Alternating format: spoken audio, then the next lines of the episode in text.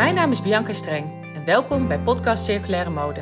De podcast voor modeprofessionals en leiders in de textielindustrie die alles willen weten over de nieuwe standaard. Een circulaire textielketen in 2050.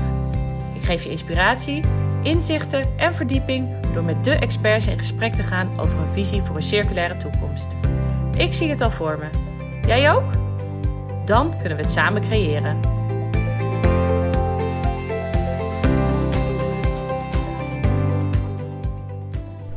Vandaag heb ik Rachel Kannegieter, Master of Science van Rethink Rebels achter de microfoon. Een echte modeliefhebber met 20 jaar ervaring in het vak, binnen verschillende rollen op de inkoop, product en sales management bij diverse internationale modebedrijven. In 2018 heeft zij haar bedrijf Rethink Rebels opgericht, waarmee zij retailers, merken en makers helpt om circulariteit volledig te integreren binnen hun strategie, operaties en communicatie. Met als doel de mode-industrie circulair te maken.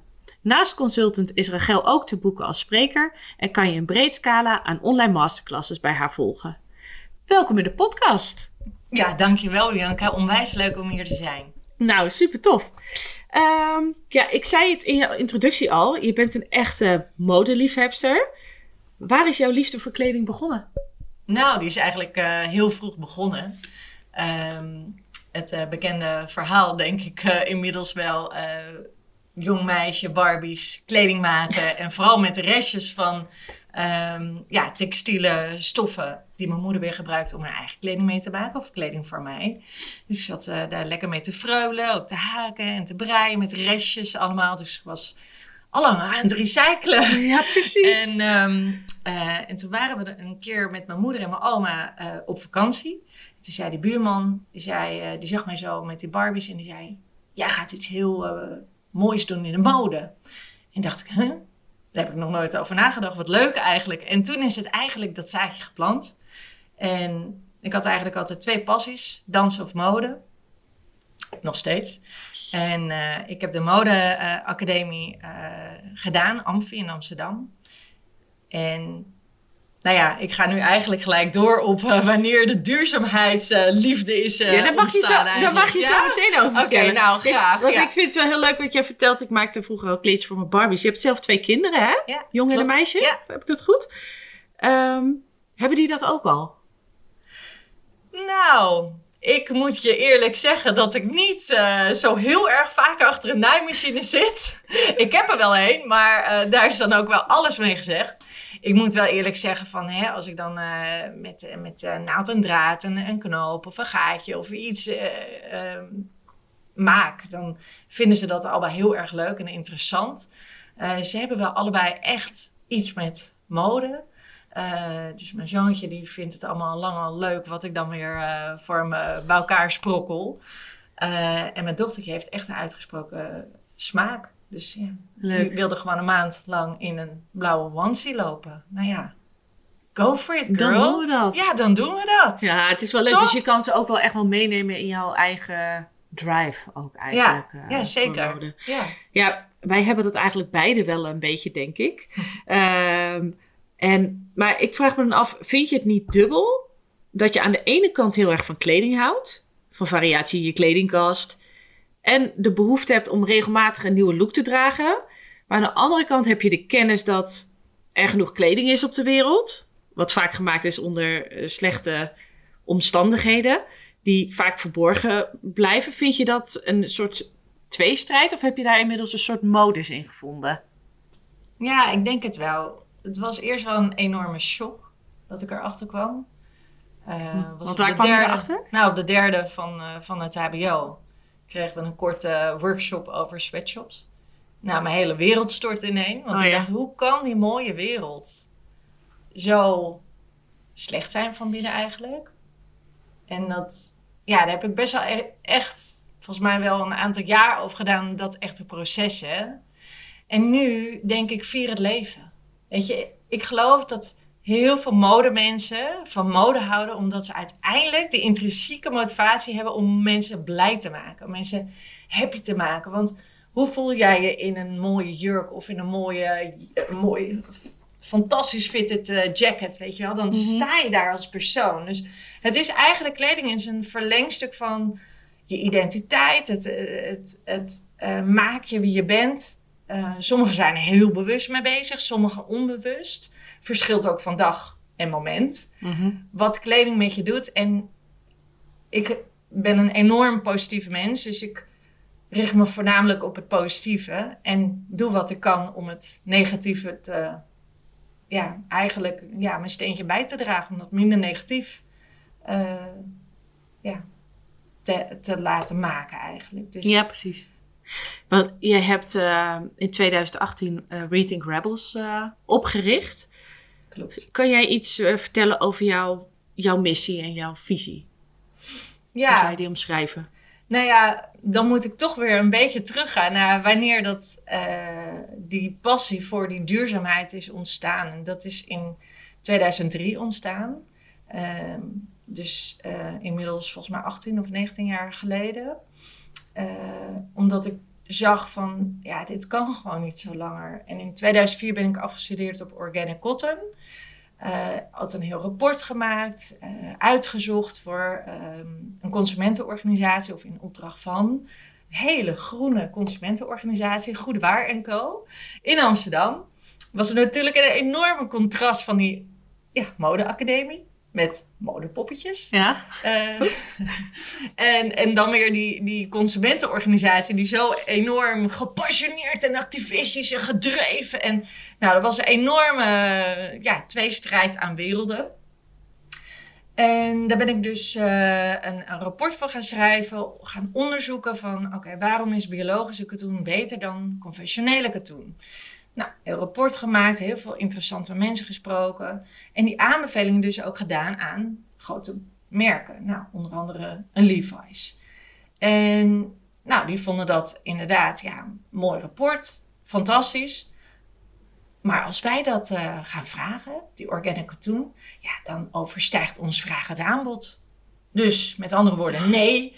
Uh, ja, en toen wist ik eigenlijk al heel snel van ja, okay, hier ligt gewoon verandering aan ten grondslag. Of het, de, het gebrek aan Ja, willen ja, veranderen. Dus daar is eigenlijk die, uh, die passie ontstaan. En toen wist ik eigenlijk, oké, ik moet verder gaan studeren. Ik moet change management gaan studeren. Dus dat heb ik dus ook gedaan.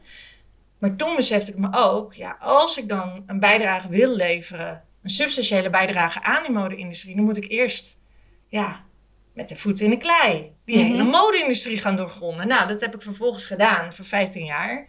Als modeprofessional gewerkt, als inkoper, product manager, sales quality manager. Heel veel mogen reizen. Heel veel mensen in fabrieken mogen zien. Heel veel fabrieken van binnen en buiten. Nou, op de meest bizarre locaties allemaal. En, ehm, en toen wist ik eindelijk van ja, nu voel ik me echt ehm, ja, eh, capabel Mhm. met de ervaring, met de kennis, de, dus de theoretische, maar ook de, ja, de praktische kennis en ervaring, heel erg belangrijk, om dus ook die verandering te kunnen brengen. Dus in ja, 2018 ben ik daarmee begonnen. Eh, toen ging, eh, ik heb dus twee kinderen en eh, mijn jongste die ging toen ook naar school. En toen dacht ik, ja, als ik het nu niet doe, dan ga ik het nooit doen. En ik moet het nu gewoon doen, want dit is gewoon, ja, hier, hier ben ik eigenlijk zo gedreven in en zo gepassioneerd. En ik geloof ook dat we met de mode-industrie eh, voorop kunnen lopen in eh, vergelijking met andere industrieën. Dus ik kijk ook heel vaak naar de food-industrie, die loopt al veel verder. Mhm. Mensen zijn gewoon veel bewuster wat ze in hun mond stoppen dan wat ze op hun huid draagt. Terwijl, ja, je huid is je grootste orgaan. Ja.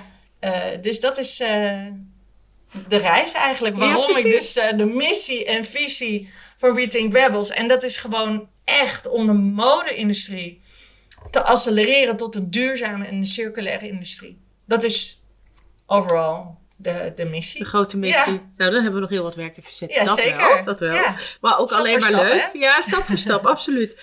Eh, nee, je zei al, je hebt best wel heel veel gezien. eh, best wel, eh, je hebt met je voet in de klei gestaan. ehm, veel gestudeerd. Je bent eigenlijk met jouw bedrijf heel breed eh, inzetbaar. Eh, want naast dat jij je bedrijf werkt, heb je ook een, een team om je bedrijf heen gecreëerd met, met diverse experts. Ehm, zo kan je eigenlijk op elke schakel ehm, ja, ondersteuning bieden binnen de hele eh, keten. Ehm, ja, vandaag wil ik het vooral met jou hebben over de supply chain. Dus uh, ja, binnen de productieketen. Want uh, waarom is bijvoorbeeld een risicoanalyse van je supply chain zo belangrijk? Ja, een hele goede vraag. Dat is uh, extreem belangrijk. waarom? waarom? Vertel. Waarom? Nou, eigenlijk um, moet je dan uh, even teruggaan hè, naar de industriële revolutie. Dat is echt een, heel veel stappen terug.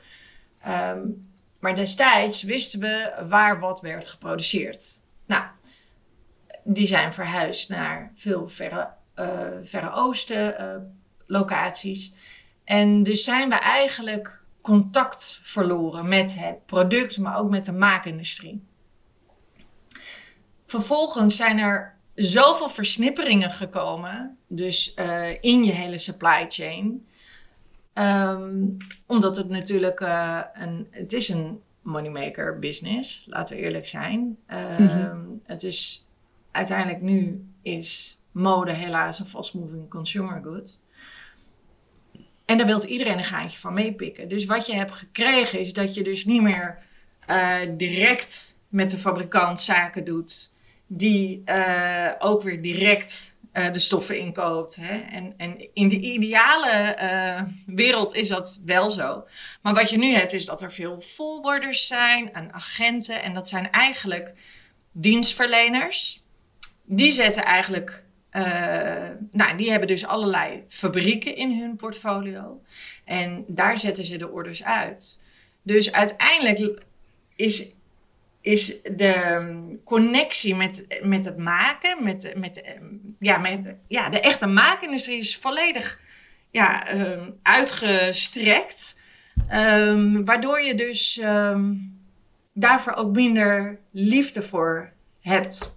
Want wat je niet ziet en wat je niet uh, ja, proeft en kan aanraken, et cetera, dat ja, het is dan een beetje afstandelijk van je. Net zoals in een relatie. Als je niet werkt aan communicatie, als je niet werkt aan tijd met elkaar, weet je wel, dan, ja, dan, dan gaat dat gewoon, groeit dat uit elkaar. En dat is ook, we zijn gewoon een beetje uit elkaar gegroeid. De hele maakindustrie, die hele voorkant van de mode. Ja, dus eigenlijk zeg je, omdat die keten zo complex is en uh, ver van ons af is komen te staan, letterlijk en figuurlijk eigenlijk, hè?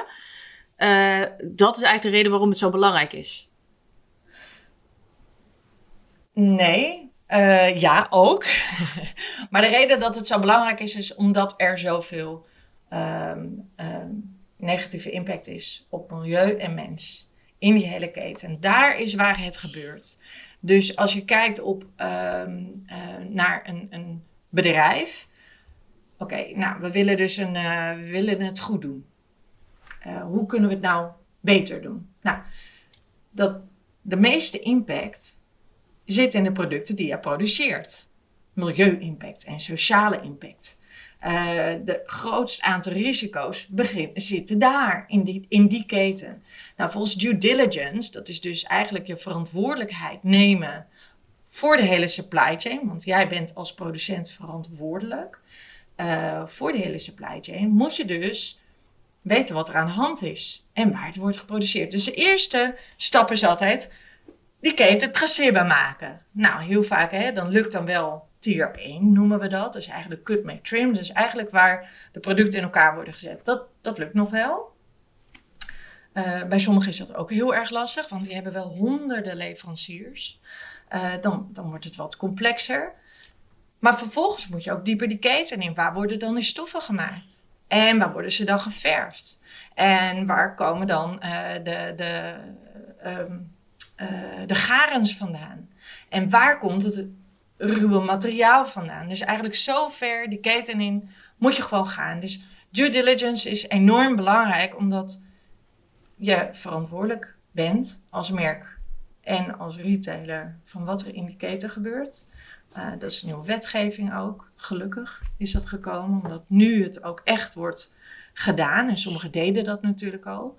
Um, ja, en daarom is dat zo belangrijk, die risicoanalyse, om daarmee te beginnen. Ja, nou als jij een uh, verzoek krijgt van uh, nou ja, een, Nederlands bedrijf om dat uit te gaan voeren, zijn bedrijven dan ook wel eens bang voor de uitkomst? Nou, nee, niet, uh, niet upfront.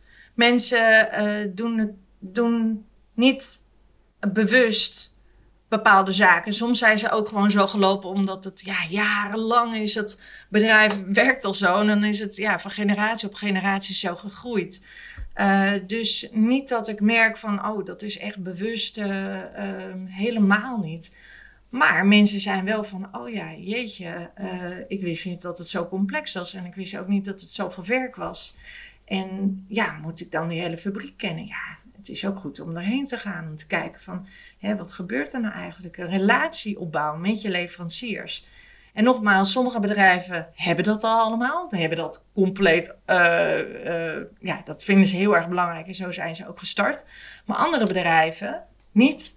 En dan is dat uh, ja, belangrijk om ze eigenlijk bij de hand te nemen en te laten zien hoe dat gaat. Maar dat werkt ook vice versa. Voor suppliers is het ook anders. Opeens vraagt de merk me allemaal uh, het hemd van het lijf. Uh, wat moeten ze van me? En uh, omzeilen ze me zo meteen, weet je wel? Wat is er aan de hand? Ja, alsof er een uh, gebrek aan vertrouwen is opeens. Ja, dat ze opeens, opeens, aan de bel trekken. Ja, en, ze, en, en daar valt dus ook... Ja, daar moet je dus ook gewoon geduldig mee omgaan. En het leverancier meenemen in je verhaal van... Nou, wij hebben dus als, als strategie om echt duurzaamheid te omarmen. We vinden dat belangrijk, want we willen impact maken. Je bent niet alleen een productmaker, maar je, brengt, je, je maakt impact. Dat is eigenlijk ja, um, wat, wat nu gewoon het allerbelangrijkste is. Je koopt niet meer zomaar een product, je koopt een image. Uh, en daarom is dat natuurlijk die hele supply chain belangrijk. Maar het allerbelangrijkste is gewoon die relatie met de leveranciers. Want samen ja. kun je zoveel meer. Als je samen de handen in één slaat. En dus wij ontwikkelen dus ook questionnaires voor die, uh, voor leveranciers. Nou, uh, of vragenlijsten. Hè. Nou, wat doe je dan op, uh, op um, milieugebied? Hebben jullie bepaalde certificaten? Hebben jullie een audit op sociaal niveau? kennen jullie je, je supply chain? We vinden dat belangrijk, want we hebben wet en regelgeving. Want de consument die vraagt er nu naar. Er was laatst een onderzoek van Next in retail. Die zeiden dat 83% van de consumenten, die willen gewoon duurzamer kopen. Ja, ja dat is enorm. Ja. Dat is zo, zoveel. En als je dat dan niet, niet kunt voldoen aan die vraag, ja, dan uh, dat is dan een enorm gemiste kans. En dat is dan ook qua risicoanalyse, ja, enorm schadelijk voor je bedrijf natuurlijk. Want ja. dan ja, uh, ga je niet mee. Ja, wat zou jij omschrijven als het grootste risicogebied? Is er één bepaalde schakel die altijd uh, ja, ne negatief of slecht, maar net hoe je het benoemt, uh, uit de bus komt? Nou, eigenlijk is dat dieper de keten in. Uh, dat is ook aangetoond door onderzoeken van Arisa en UNICEF. En het is natuurlijk altijd, ja, of natuurlijk zeg ik dat, maar mens staat voor mij altijd voorop. voornamelijk kwetsbare mensen, kinderen, migranten, um, gedwongen arbeid. Dat zie je dieper de keten in. Dus uh, er was dus ook een onderzoek van Arisa in India bij de spinnerijen. Daar, daar is nog uh, kinderarbeid. Uh, en hoe ga je dat oplossen? Nou, en, ja, dat is echt fantastisch hoe, hoe bedrijven en NGO's en overheden dan met elkaar samenwerken en lokale overheden. Van hoe kunnen we dit nu gaan aanpakken. Nou, Fairware Foundation heeft er ook heel veel mooie voorbeelden voor. Dat ze echt mensenlevens uh, ja, echt kunnen, of echt zo'n impact kunnen maken. Dat mensen gewoon helemaal gaan opbloeien. En ja, en dat is gewoon extreem veel waard. Als je ja. één mensenleven al uh, kunt uh, redden eigenlijk, hè, dat, dan, ja, dan heb je al je levensmissie is dan eigenlijk al vol, voltooid, zou ik bijna zeggen. Maar er is zoveel werk nog te doen. Uh, maar ja, dat is gewoon enorm belangrijk. En ik besef me ook dat, ook al zitten we hier in Nederland en werken we aan de strategie en werken aan de supply chain, uiteindelijk is dat altijd het doel. Dus dat heb ik altijd voor ogen. En het, ja, dat zeg ik eigenlijk ook tegen iedereen van jongens, we, we, kunnen hier echt impact maken. En als je echt ook met het management zit van bedrijven, die zeggen ook heel vaak, ja, dat willen wij. Wij willen gewoon leefbare lonen hebben. Wij willen, gewoon, wij willen geen kinderarbeid. Nee, maar oké, dat is dus een samenhang van heel veel problemen. Hè? Vaak mhm. kinderarbeid. Waar ligt dan die kern? Ja, dan moet je gewoon met specialisten gaan samenwerken. Hoe kun je dat dan enigszins toch aanpakken? Ja, want het lijkt mij bijvoorbeeld ook heel lastig um, om bijvoorbeeld landen als China, uh, India, grote landen met andere culturen, andere gewoontes, andere wetgeving, om die mee te krijgen in onze wetgeving. Dan kan een, een fabriek misschien wel willen, um, maar een overheid moet toch ook wel mee, lijkt mij, in bepaalde uh, ja, zaken. Ja, zeker. Aan de andere kant is China ook wel weer zo. Als zij uh, vandaag op morgen besluiten, uh, dit accepteren we nog en dat niet meer. Dus er was laatst, of ja, afgelopen jaar, was er uh, over um, wet processing. Wet processing is het proces van verf en kleuren en finishen mhm. van de stof. Nou, daar komen vaak chemicaliën bij kijken. Dat wordt allemaal ja, eigenlijk over het algemeen gelo geloosd in de wastewater streams. Dus in het afvalwater wordt dat eigenlijk gedumpt. Uh, en die zeiden, ja, van de, van de een op andere dag nou ja, hebben ze gewoon iets van 30 tot 60 uh, fabrieken gesloten. Dus dat is dan wel weer de andere kant. Hè? En nogmaals, het gaat om de relatie die je hebt met je leveranciers. Um, de meeste leveranciers die ik spreek en de agenten, die snappen dat ook. Die ja. snappen gewoon, dit is aan het veranderen gedreven door de wet en regelgeving. Dus dat is echt een stok achter de deur. Wij willen blijven verkopen aan Europa en Amerika. Dus wij moeten ja, toch aan de vraag van de klant uh, voldoen. Nou, dan gaan we daarin mee. En natuurlijk complexe onderwerpen zoals vrijheid van vakbonden in China. Ja, dat is echt niet wat je even zo kan uh, veranderen natuurlijk. Maar je kunt zo bepaalde statements innemen. Nou ja, uh, we hadden het er net al uh, in een voorgesprek natuurlijk erover dat uh, bijvoorbeeld gedwongen arbeid in China met de Oeigoeren, dat heel veel bedrijven hebben daar gewoon een statement over geplaatst. Dat willen wij niet. Ja. Gebeurt het niet? Nou, dat denk ik niet. Omdat ze de keten nog niet goed genoeg kennen. Uh, maar er zijn wel allemaal technologieën ook nu. Uh, hè, uh, tracer technology, blockchain. maar ook gewoon heel goed je, je keten kennen. Mm gewoon hou, hè, eigenlijk gewoon houd je touwtje. om maar te kunnen weten en uitzoeken van oké, okay, dit wordt daar gemaakt en dit komt daar vandaan. Um, zodat je het met een grotere zekerheid kan zeggen. Ja, ja, precies. Wat jij zei, ook het uh, is misschien wel nou ja, leuk, tussen haakjes leuk om te benoemen. Uh, wat veel mensen niet weten over het recht uh, op, op, ja, op, op een vakbond. Hè? Hier in mhm. Nederland is dat heel, heel normaal en in de andere Europese landen. Dat dat dus in China geen recht is. Dat het, nee, dat het dus niet gebeurt. Nee, het mag niet. Nee. nee. nee.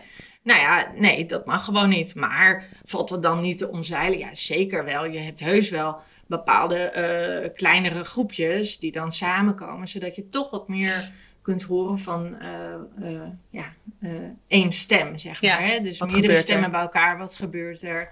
daar heb je bijvoorbeeld een grievance mechanism voor, dus een klachtenformulier.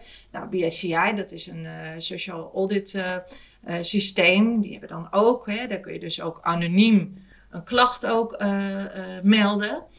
Uh, maar bedrijven hebben soms ook een eigen klachtenformulier, ook in de lokale talen. Um, een Fairware Foundation die heeft ook heel duidelijk een, een, programma opgezet.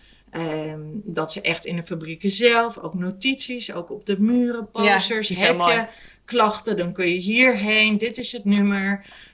om zo toch uh, ja, wat, eh, de onderliggende gemoederen eigenlijk te horen. Van, mm -hmm. want dan weet je wat er leeft en speelt. En kun je er misschien ook wat aan gaan doen. Nou, laten we hopen dat het allemaal zijn vruchten afwerpt natuurlijk. Ja, uh, ja ik, uh, we, we, lopen al een beetje naar het einde. Uh, ik heb een, ja, het wordt vaak een beetje gezien als een grote vraag. Maar stel dat je de vrije hand hebt om de twee grootste risico's binnen de keten van kledingproductie op te lossen. Hoe zou je dit dan doen als je niet hoeft te denken in beperkingen, geld, overheden? Welke grootste problemen zou jij willen oplossen? En hoe zou je dat doen in de ideale wereld? Geweldig. Nou, twee dingen gelijk. Eh, dat heeft met koopgedrag te maken en met eh, recycling. Grappig zijn het, eigenlijk eh, dingen waar we het nou eigenlijk niet over Nee, gehad daar hebben hebben. we het helemaal niet over Dus gehad. heel interessant. Nou, Vertel. omdat ik, omdat ik geloof dus, het eerste gedeelte van je hele supply chain kan je, kan je als bedrijf zelf aanpakken. Dus ik geloof daarin heel erg in de, in de kracht van de fashion professionals. Die kunnen dat gewoon. En natuurlijk heb je een beetje hulp nodig hier en daar. Je moet eh, af en toe met bepaalde zaken aan de hand worden genomen. Maar dit is gewoon mogelijk. En daarom heb ik het erover, omdat jij het zegt nou, over de twee grootste dingen. Dan heb ik het over koopgedrag. Hoe dat wordt eh, vermarkt. Eh, en, en hoe eigenlijk jongere generaties nu al eigenlijk worden ja, gewoon gebrainwashed van hè, op de TikTok-generatie, Instagram, eh, zoveel nieuwe kleding, zoveel en dan alleen maar voor die ene foto op, op TikTok, oh, nee, filmpje op TikTok en, en, en, en Instagram-foto en dan weer terug. Het is, dat zou ik echt willen aanpakken, gewoon eh, eh, heel radicaal weer terug naar de basics. Wat heb je? Cherish what you have. Eh, repair. ehm, ehm, eigenlijk kinderen weer leren om, om het makenproces eigenlijk mee- meer het ambacht.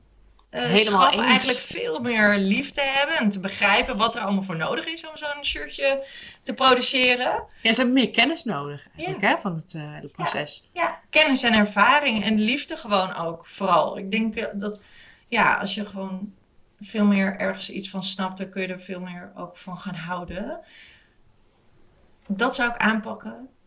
En vooral ook die extreme ja, bulk aan e-mails, koop dit, koop dat, die marketing continu eh, tegen je aanschreeuwt eigenlijk. Dat zou ik echt op de een of andere manier ehm, eh, willen aanpakken. En, en vervolgens de recyclingindustrie van textiel, dat dat gewoon no-brainer is. Dat kan allemaal gerecycled worden, eh, want dat wordt ook goed circulair ontworpen en het gaat in een circulair systeem. Wordt al bij eh, de, ja, de initiële fase van een designer, die denkt daar al helemaal over na. Alle kleding wordt gewoon gerecycled en ehm geupcycled. Ja. Dus dat we niet meer kleding vinden in, in, in woestijnen, oceanen of wherever. Ehm, maar dat we dat echt heel goed eh, eigenlijk weer kunnen hergebruiken. Ja. Want we blijven toch kleding nodig hebben. Ik bedoel, Ja. Ja. Ja, laten we wel eens. Het is Eh, ook een eerste levensbehoefte, hè? Ja. Kleding. Ik bedoel, eh, we, we moeten allemaal eten, drinken en een dak boven ons hoofd. Eh, maar ja, kleding beschermt ons nou eenmaal. Ja, En dat geeft je zelfvertrouwen. Maar het, is, het, het, Ja. het hoort onder de eerste levensbehoeftes, zeg ik altijd. Zeker. Ehm, ja, is er nog iets wat je de luisteraar mee zou willen geven die werkt aan een duurzame transitie? Ja, geloof echt in mogelijkheden. Ook al zie je het nog niet, geloof erin. Geloof dat er altijd een weg is, er is altijd een mogelijkheid.